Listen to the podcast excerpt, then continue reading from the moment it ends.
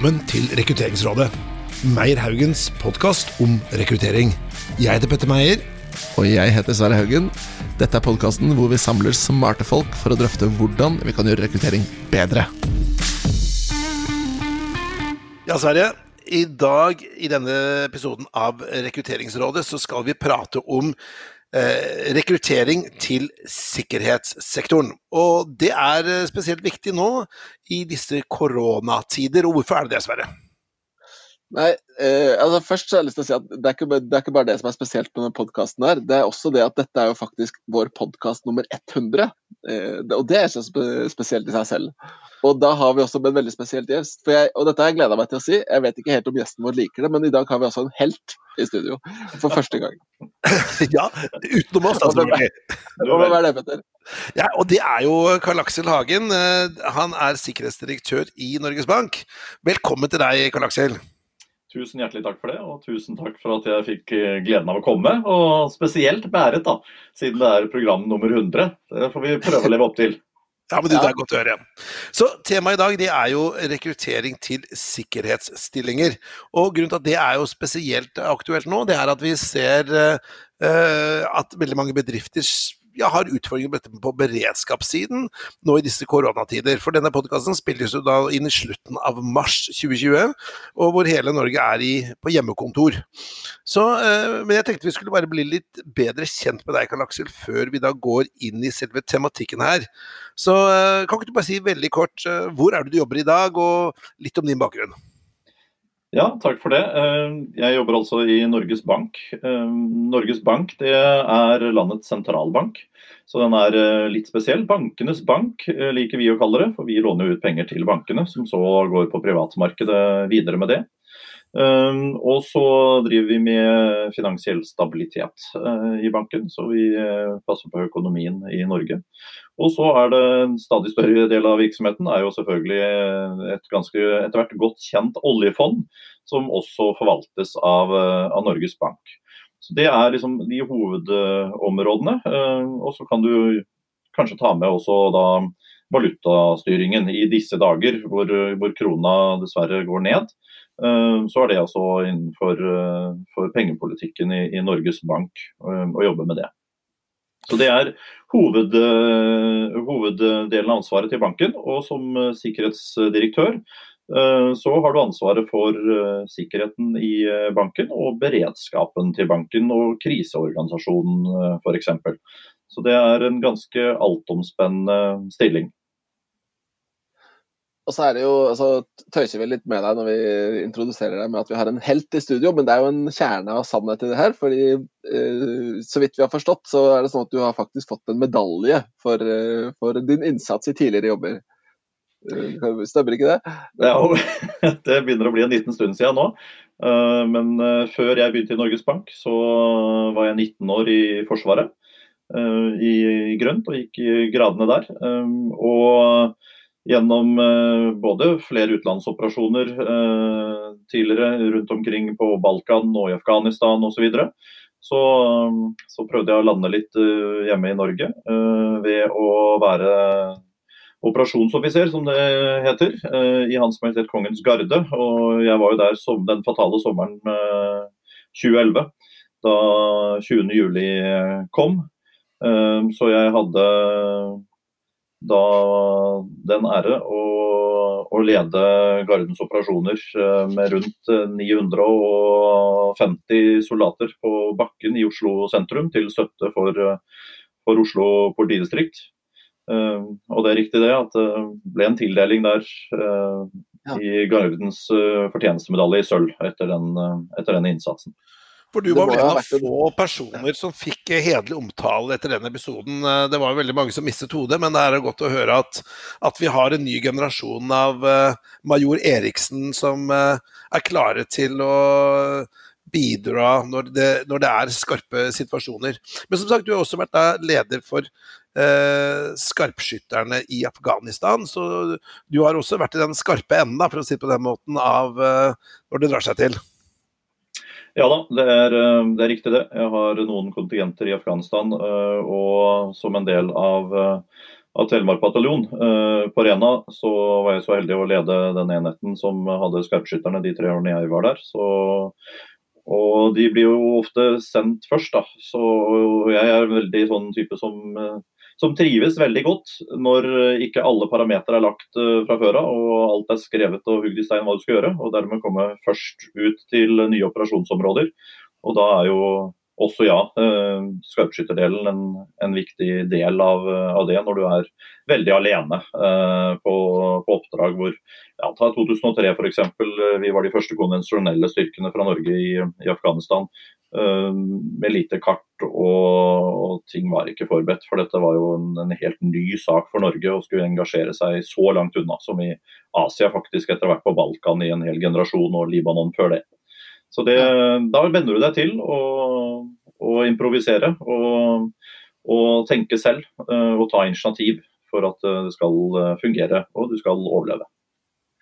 Og så har vi deg med her fordi du, jo, du har jo en bred profil og kunnskap inn mot sikkerhet, i den bredden sikkerhet er, og det skal vi snakke litt mer om. Men først, eh, kan ikke vi prøve å bli litt bedre kjent med deg da, Karl Aksel? Hvis, eh, hvis, det hadde vært sånn, og vi pleier å stille det spørsmålet, hvis jeg hadde møtt deg på fest, la oss nå si at vi hadde delt noe godt å drikke, og så hadde jeg begynt å snakke med deg om en eller annen tematikk, og du ikke har lov til å snakke om jobb, hva er det jeg skal snakke om da for at du virkelig blir eh, engasjert? Ja, jeg er veldig interessert i andre mennesker, så jeg eh, elsker å, å spørre de litt ut uh, om hva de uh, holder på med.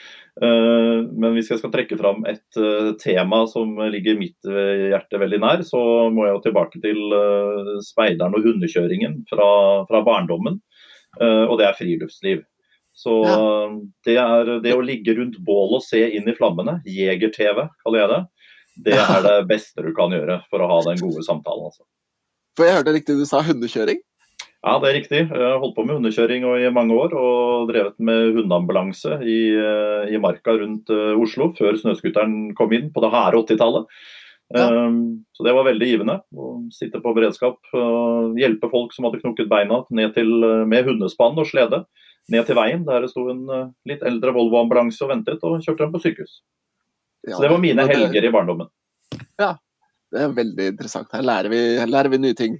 Ja, Men jeg tenker hvis vi skal da se på temaet eh, rekruttering til sikkerhetsstillinger Du har hatt et par eh, si, vendepunkter i dette, denne bransjen. Du hadde jo 22.07 i 2011, som du nevnte.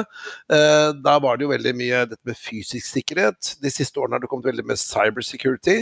Og så er det nå veldig, nå i forbindelse med koronatiden, er det jo veldig opptatt av å få til en beredskap. Hvordan skal bedrifter kunne opprettholde drift eh, når man må jobbe off location, jobbe hjemmefra. Eh, men kan ikke du Karl Axel, dra oss litt gjennom hvilke områder er det innen sikkerhet? Ja, Sikkerhetsfagfeltet består jo av veldig mange dedikerte områder i, i veldig ganske snevre fagfelt. Um, men grovt sett så syns jeg du Petter, toucher innom de, de største områdene nå. Og Det er selvfølgelig fysisk sikkerhet, og da tenker vi på sikring av bygninger osv. Det er en typisk 22. juli-renessansen som, som, kom i årene etter der. Og så har det de senere årene dreid mer og mer over på, på cybersikkerhetssiden. Det å sikre seg på nett. og Det begynner samfunnet å bli bedre på. Um, og så ser vi jo nå at de de store selskapene som har gode beredskapsplaner på den krisen med korona som vi er inne i akkurat nå, de, de klarer seg ganske så bra. Mens de som ikke har tenkt på det på forhånd, de havner fort bakpå. Så det kan du godt kalle de store områdene. I tillegg til de der, så vil jeg nok ta fram sikring av de ansatte, altså personsikkerhet. Ehm, både hvis du har noen utsatte ansatte, men også av, ansatte på reise.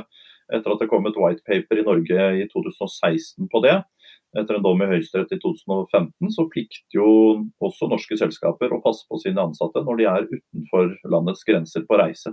Så det har også vært et fagfelt som har gått veldig opp.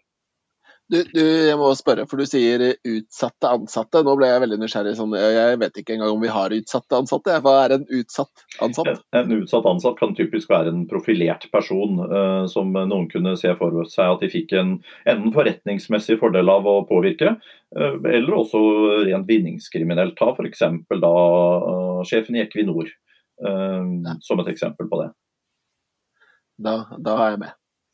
Men hva skal vi si, du er jo da sikkerhetsdirektør i Norges Bank.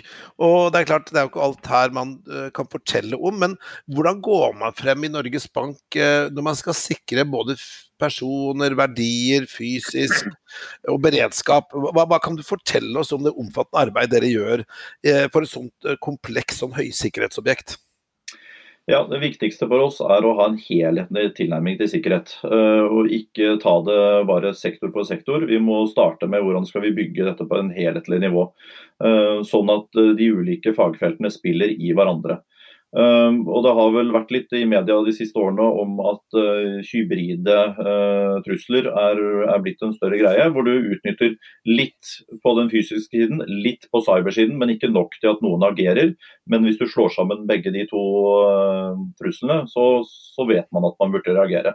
Så det å ikke ha silobasert sikkerhet, det er utrolig viktig. Og så vil jeg si del to, det er å passe på å, å integrere den i resten av virksomheten. At sikkerhet ikke er noe som står på si, som du dessverre bare må ha, eh, men noe som er en integrert del av virksomhetsstyringen.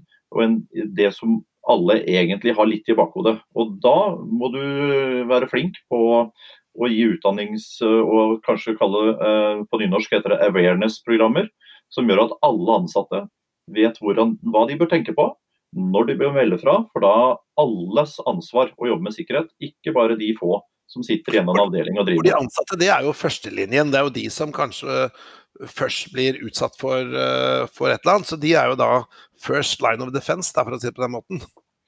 Ja, absolutt. Og det å ha sikkerhetsbevisste ansatte som, som, tenker hele tiden på er dette smart. Den mailen jeg fikk nå, det var det noe rart ved. Istedenfor å tenke ja ja, shit, der vil jeg bare trykke på vedlegget. Så jeg tar og sjekker det med sikkerhetsgutta jeg, før jeg gjør det. Det er bare den ansatte selv som kan gjøre det. Men eh, et spørsmål eh, rundt disse områdene. Vi, jeg, jo, jeg, har jobbet innenfor den digitale sfæren, og vi har jo sett liksom tidlig at cybersecurity kommer til å bli viktigere, og det har det jo blitt. Og nå er det jo kjempemange som, som sliter med å få tak i folk innenfor det. Og så er det interessant å spørre, Hvis du tenker opp mot koblingen mot fysisk sikring nå, med liksom the internet of things, og du har elektroniske dørlåser som kan låses opp med telefonen Vi vet Choice har jo på hotellrommene sine kan du låse opp døra med appen. Blir det en sammenveving av cybersecurity og fysisk sikring etter hvert? Ja, absolutt. Eh, og det jeg tenker på med at du må se på det helhetlige bildet og hybride tilfeller, det er i grenselandet mellom det rent kodemessige i cyberverden og hva som skjer fysisk, eh, f.eks. med, med en, en, dør. Men så er det også det at eh, stadig flere vet at vi begynner å bli gode på cybersida. Så vi ser det at å komme seg inn i et bygg for å kunne plugge en liten plugg inn i en uh, laptop f.eks. eller et møterom blir stadig mer aktuelt. Men også da vanskeligere for motstanderne, for de vet vi begynner å bli gode på cybersida.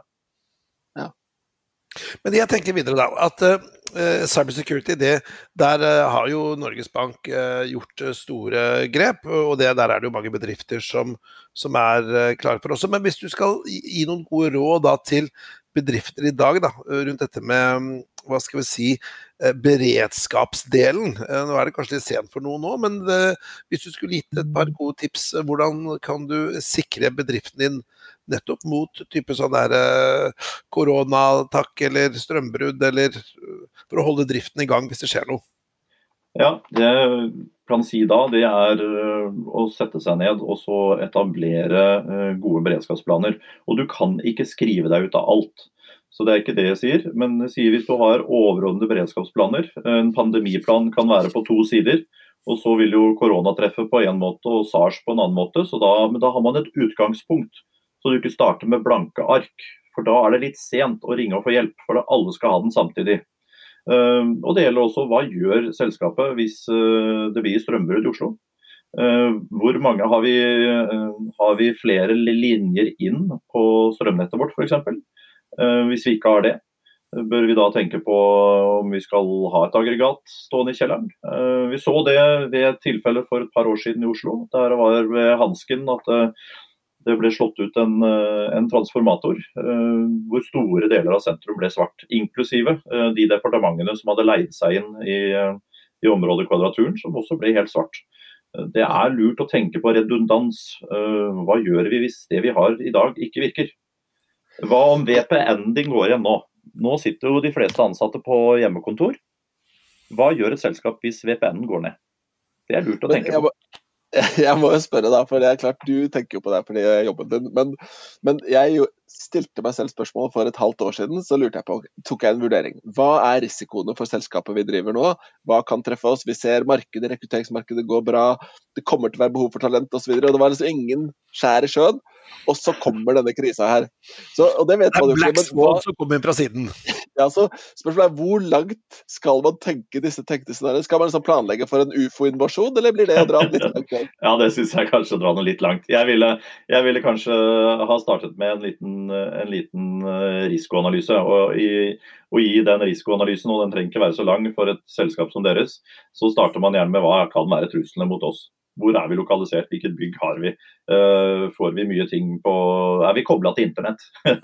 jeg tror alle vet svaret på det. Uh, og så starte der, da. Og så, så ser man spesifikt hva som uh, man kan komme ut for. Og så har man i hvert fall en økt bevissthet hos de ansatte rundt akkurat det, da, til at de sier fra den ene gangen for mye enn den lille for lite. Ja.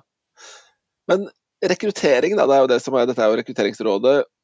hvis vi ser på disse områder, disse ulike områdene. Vi vet av erfaring, og vi ser i markedet, at det er veldig mange som sliter med cyber security-profiler. At det er en attraktiv kompetanse i markedet. Hvordan er det innenfor disse andre områdene? Er det vanskelig å få tak i folk? Ja, det er Du kan gjerne kalle det på de andre områdene. Hvis vi tar fysisk sikkerhet og, og beredskap, så vil jeg egentlig dele uh, ansatte-kategoriene inn i tre.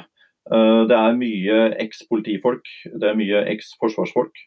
Uh, og så vil jeg ta den siste, som vi bare på folkemunne kan kalle intelligensiaen. Fordi at vi har fått mye gode studieretninger i Norge nå på, på sikkerhet og, uh, rundt omkring. Uh, og på masternivå f.eks. på Universitetet i Stavanger.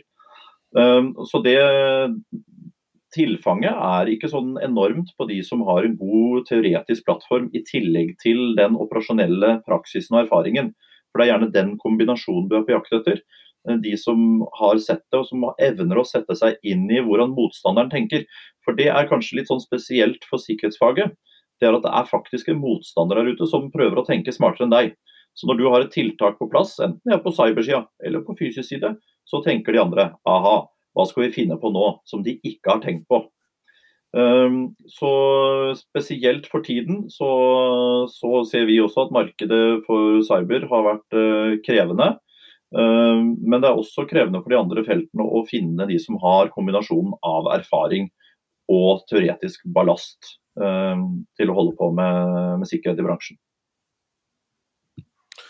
Spennende. Hva tenker du rundt dette med personsikkerhet? da? Det er jo sånn, sånn der har vi vært ganske heldige i Norge i forhold til sånn kidnapping og sånn, men du nevner at, at, vi bør være litt mer oppmerksom på utlandet. Hvordan kan man, hvor, hvordan kan man la oss si, rekruttere folk som kan bistå med sånt?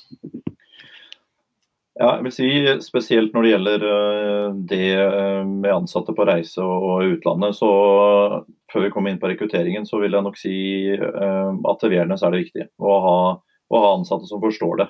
Um, skal fortelle en liten historie fra, fra, hverdagen i Norges Bank. Vi la ut uh, For to år siden, i juni, så la vi ut en uh, artikkel på intranettet internt i banken om at hvis du reiser til disse landene på ferie, for vi fanger opp hvor folk skal på tjenestereise, uh, og det er ikke noe hemmelighet at de landene var jo Kina og Nord-Korea osv., så, så, så må du melde fra til sikkerhet, for du får ikke lov til å ta med deg bankens telefoner eller IT-systemer dit.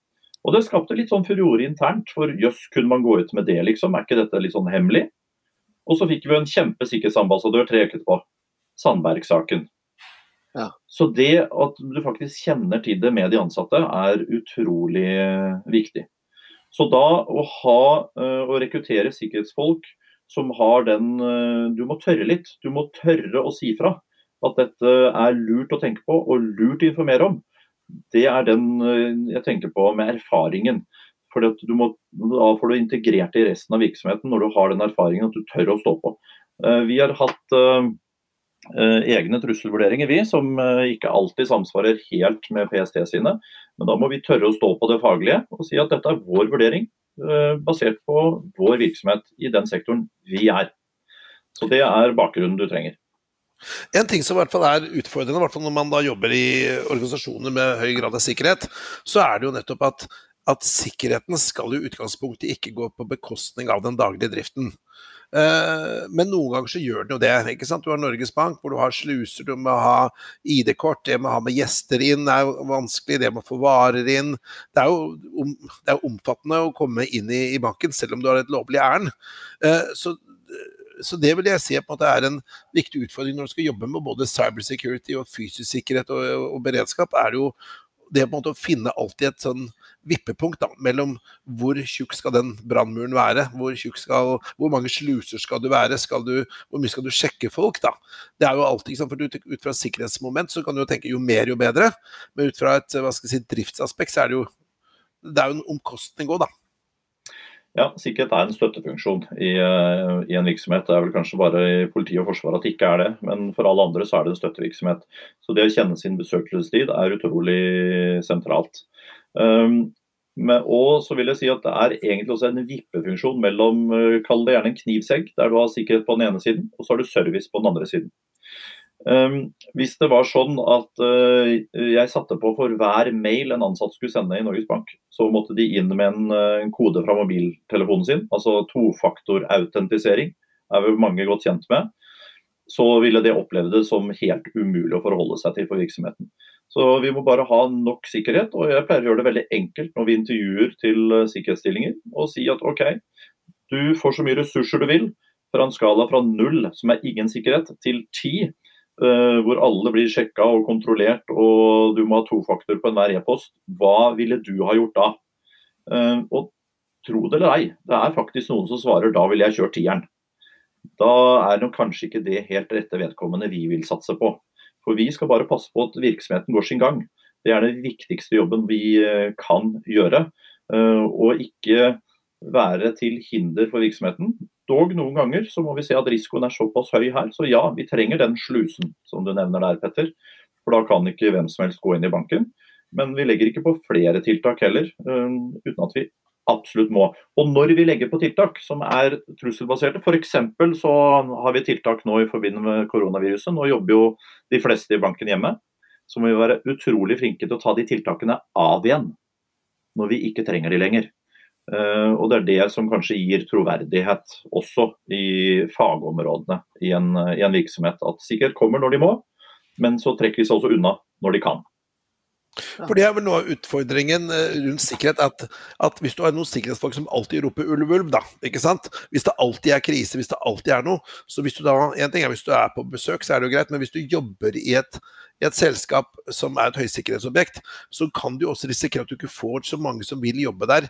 Hvis det er veldig omfattende hver gang du skal gjøre noe, så får du altså ikke gjort jobben. Hvis du ikke kan bruke din egen teknologi, hvis liksom hver gang som skjer noe, så er det veldig mye fy-fy og veldig mye sånn pekefinger, og du kan risikere stor straff hvis du bryter noen av disse reglene. Altså, en sånn smidighet blant de personene man rekrutterer inn i sikkerhetsbransjen, bør jo være viktig. da.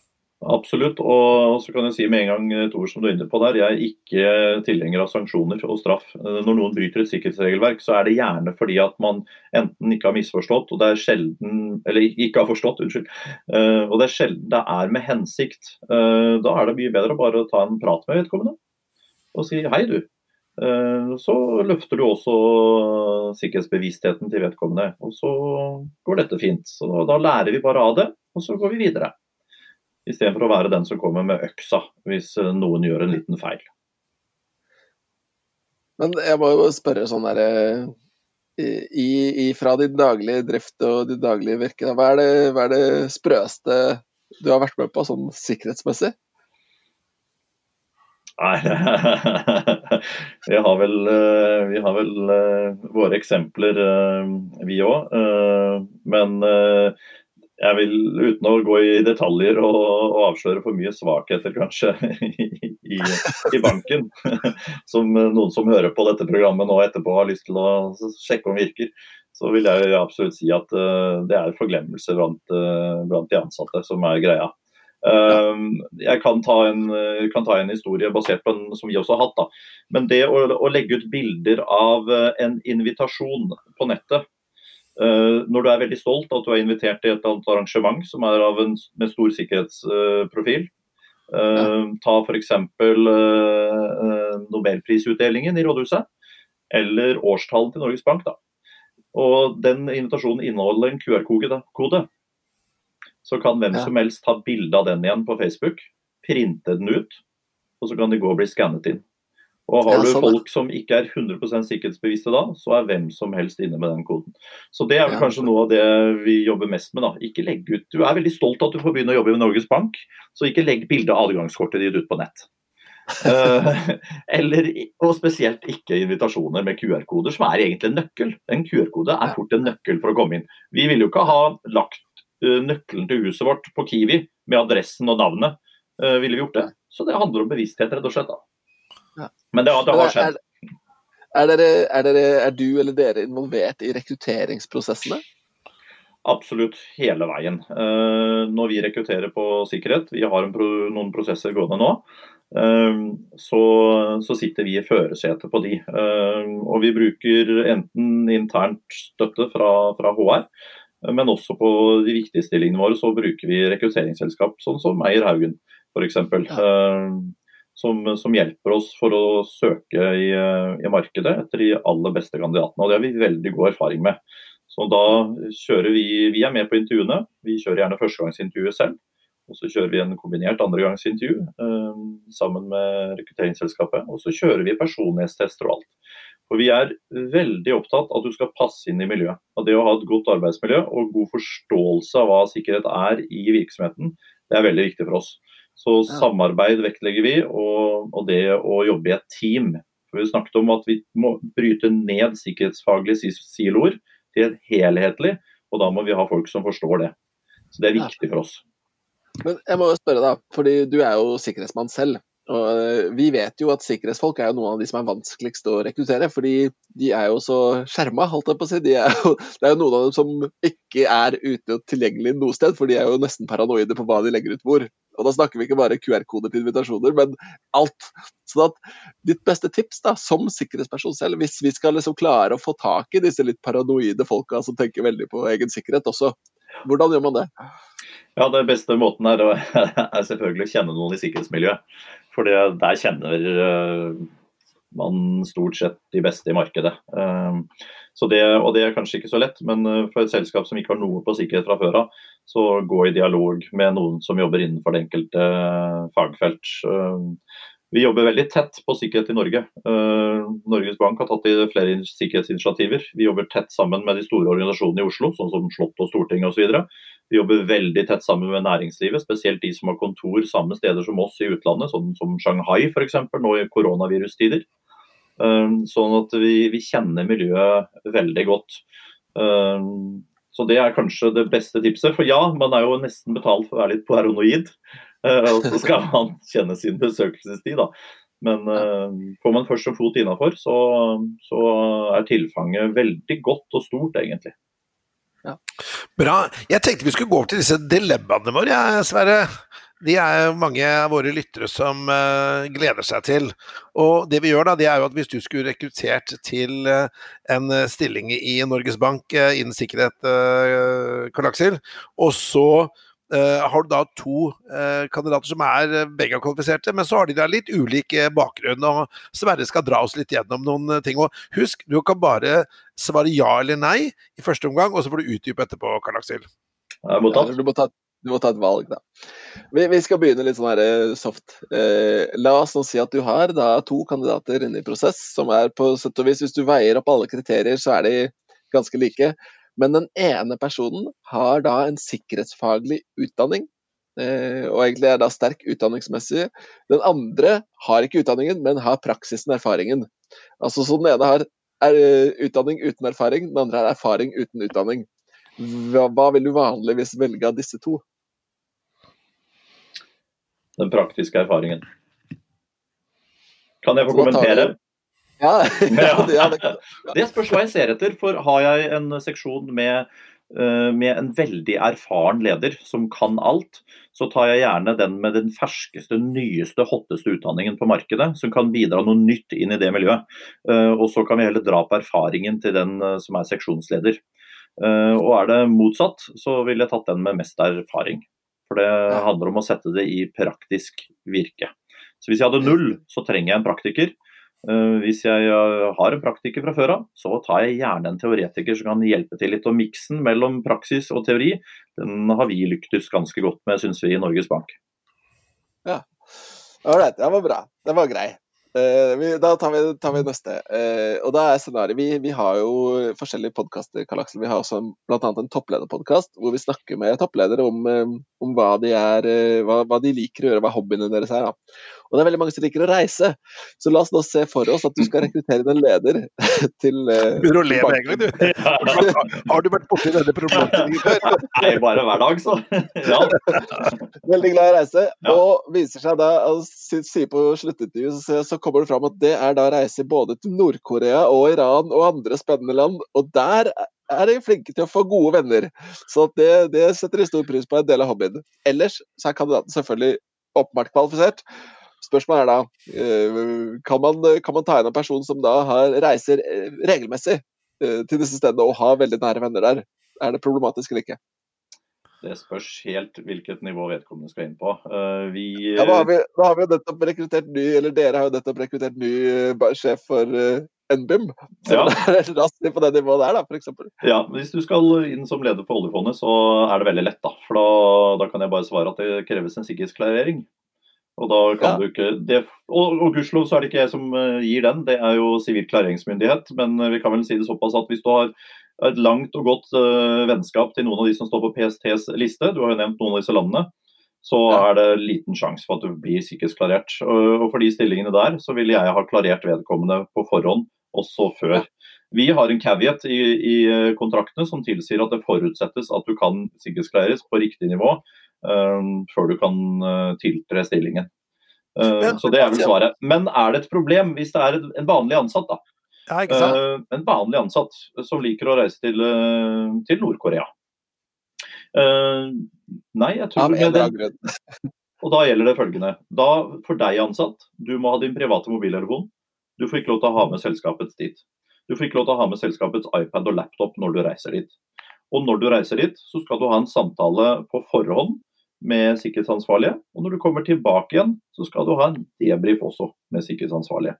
Det er måten jeg ville løst på hvis dette var en essensiell viktig person for en fagavdeling å ta inn i et selskap. Ja. Så det øker bevisstheten, altså. Øker bevisstheten til den ansatte. Hva er rekruttering? Altså, nå tenker jeg på hva er etterretningsmessig rekruttering. Hvordan hvis noen eh, plutselig har lyst til å spandere middager på deg og sånne ting. Det er ikke alle som tenker på at jo, men det var en trivelig fyr jeg møtte på en bar, så det er jo koselig. Um, men så plutselig så begynner du å få sånn skyldnerfølelse, for du har fått mye middager, og lyst, menneskene har lyst til å gi noe tilbake igjen. Og så begynner de å stille noen spørsmål om selskapet ditt, og så har du lyst til å bidra. Du mener ikke noe vondt med det, og så bidrar du litt. Og så er vi liksom i gang, da. Og det var jo Treholt-saken er vel godt kjent. Det var jo sånn det hele starta.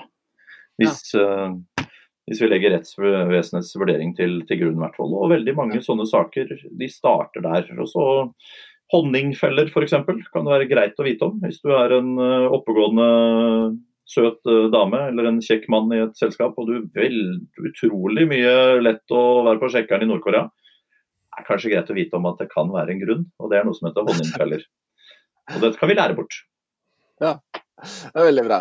Petter, vi har jo den siste dilemmaet vårt er jo din favoritt, så skal du få lov til å introdusere. Vær så god. Ja, og det som, er Grunnen til at det er min favoritt, det er for at jeg opplevde det selv. da. Uh, og det er uh, hvis du da har hatt en kandidat som er uh, utrolig bra, da, og så førstegangsintervju, papir, alt er helt tipp topp, og du tenker at dette her er drømmekandidaten.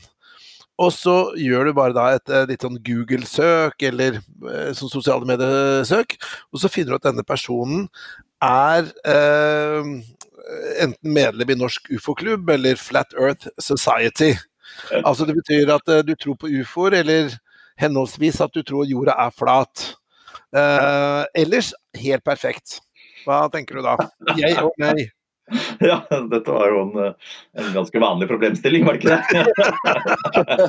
Jeg vet ikke hvor mange medlemmer det er i Norsk ufo-forening, eller Flat Earth Society på Rykkinn. Men uh, Men jeg, jeg, jeg, er faktisk ikke så skeptisk, jeg, altså. Uh, fordi at folk kan ha Hvis evnetesten ellers Det er ikke sikkert at den ville tilsvart det. Men hvis alt annet er perfekt på tester, og at du har en litt rar hobby, ja.